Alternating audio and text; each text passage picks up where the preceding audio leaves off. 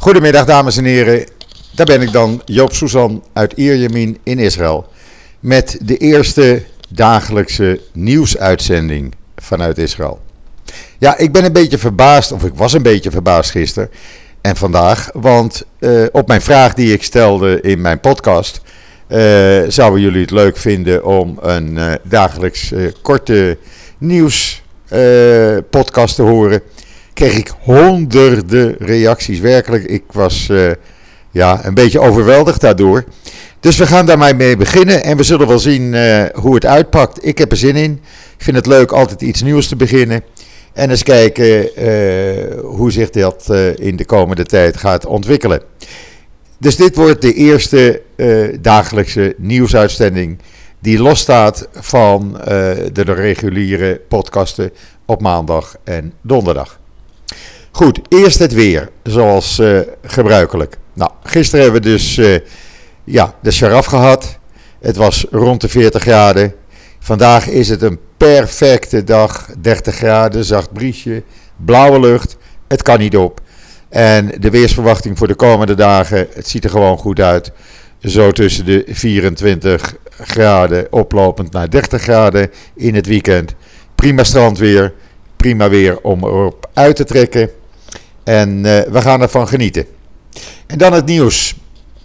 Ja, gisteren heeft uh, premier Netanyahu een gevoelige en hele belangrijke nederlaag geleden.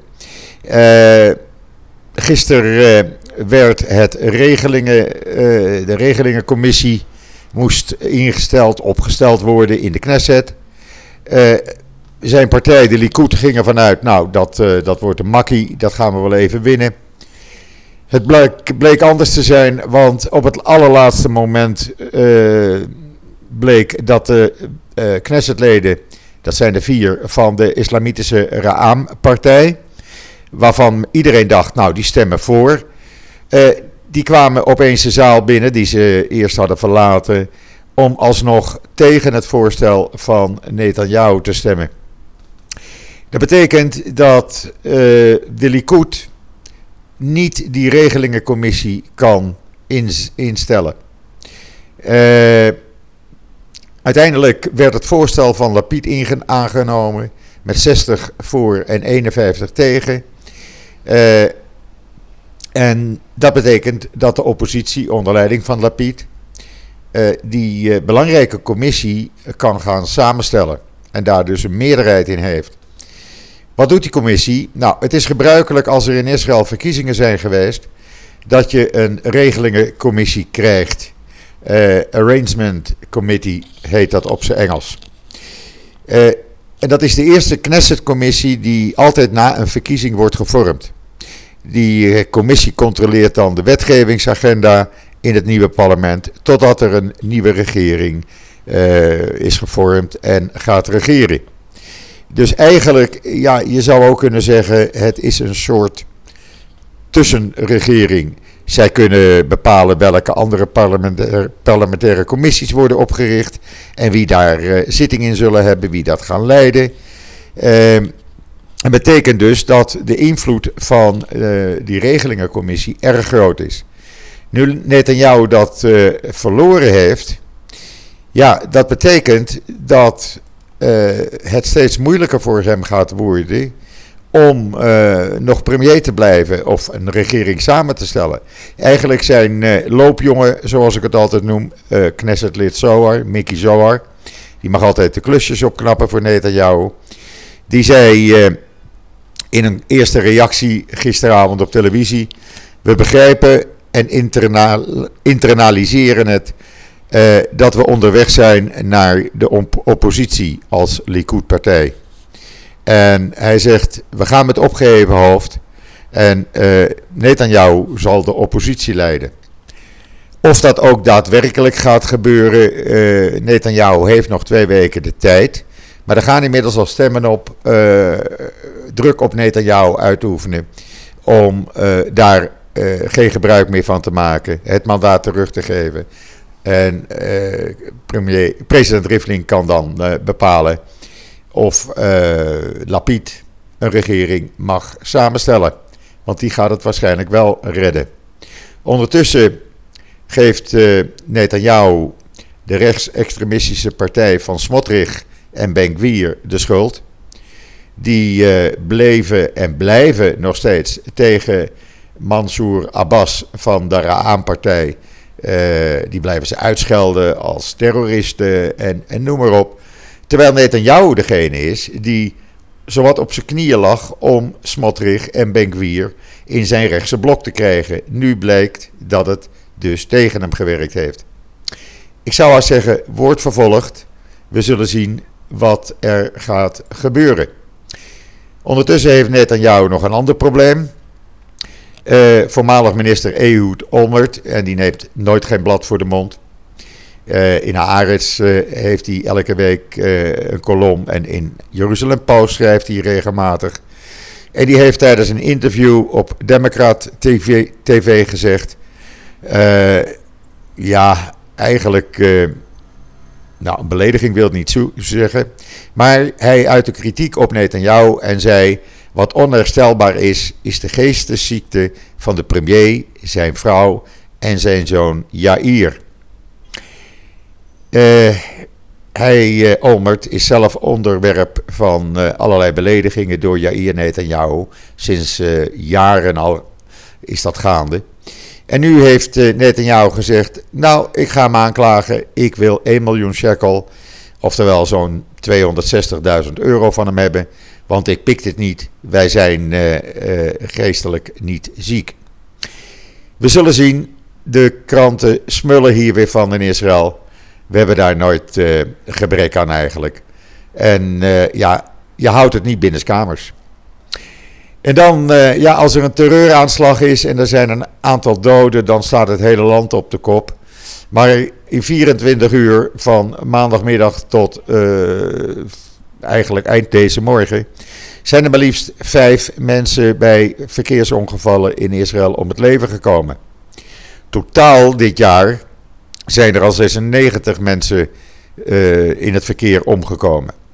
Er zijn doden gevallen in Tel Aviv met een hit and run, waarbij een scooterrijder werd geraakt.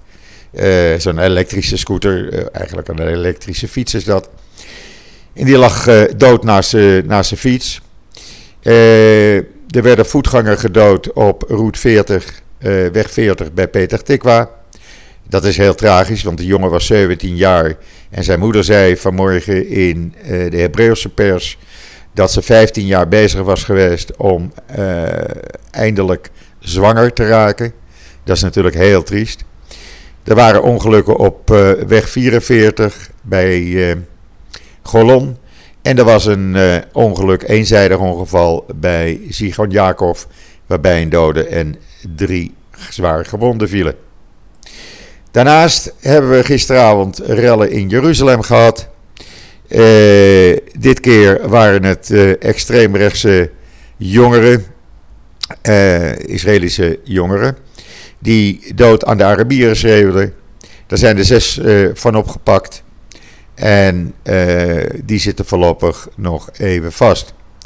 Ook in Jaffo, of Jaffa, zo u wilt, daar voor een tweede nacht op rij zijn daar rellen geweest. U weet, zondag werd daar een rabbijn door twee Arabische inwoners van Jaffo uh, in elkaar geslagen. Um, gisteravond weer rellen. Daar deden nu ook extreem linkse jongeren uit andere steden van Israël aan mee. Die gingen de Arabieren een handje helpen. Er werden autoruiten in elkaar geslagen. er werd vuurwerk afgestoken. Um, nou ja, van alles en nog wat. Um, drie zijn er opgepakt en die zitten nog nog steeds uh, vast op dit moment. En dan net kwam het bericht binnen. Ik had van de week op Twitter een filmpje gezet van een Arabische jongen die een ultra-orthodoxe man in de tram in Jeruzalem uh, een paar klappen in zijn gezicht gaf. Nou, die jongen is net anderhalf uur geleden opgepakt. Een Arabische jongen is dat geweest. Die vond het leuk om te doen. En dan iets anders. Uh, u zult het in Nederland nooit in de krant lezen. Israël uh, zendt op verzoek van Jordanië medische hulp naar Jordanië om de verspreiding van uh, COVID-19 tegen te gaan. Dat zijn onder andere honderden beademingsapparaten, coronavirus testkits, medische gezichtsmaskers, gewone gezichtsmaskers en alles wat ze eigenlijk nodig hebben om ja, tegen het virus in te zetten. Terwijl in Israël is het goede nieuws. Uh, wij hadden gisteren hier uh, nog maar 0,3% van de mensen die uh, positief waren getest. Er waren 52.588 mensen getest. 129 waren er positief op COVID-19.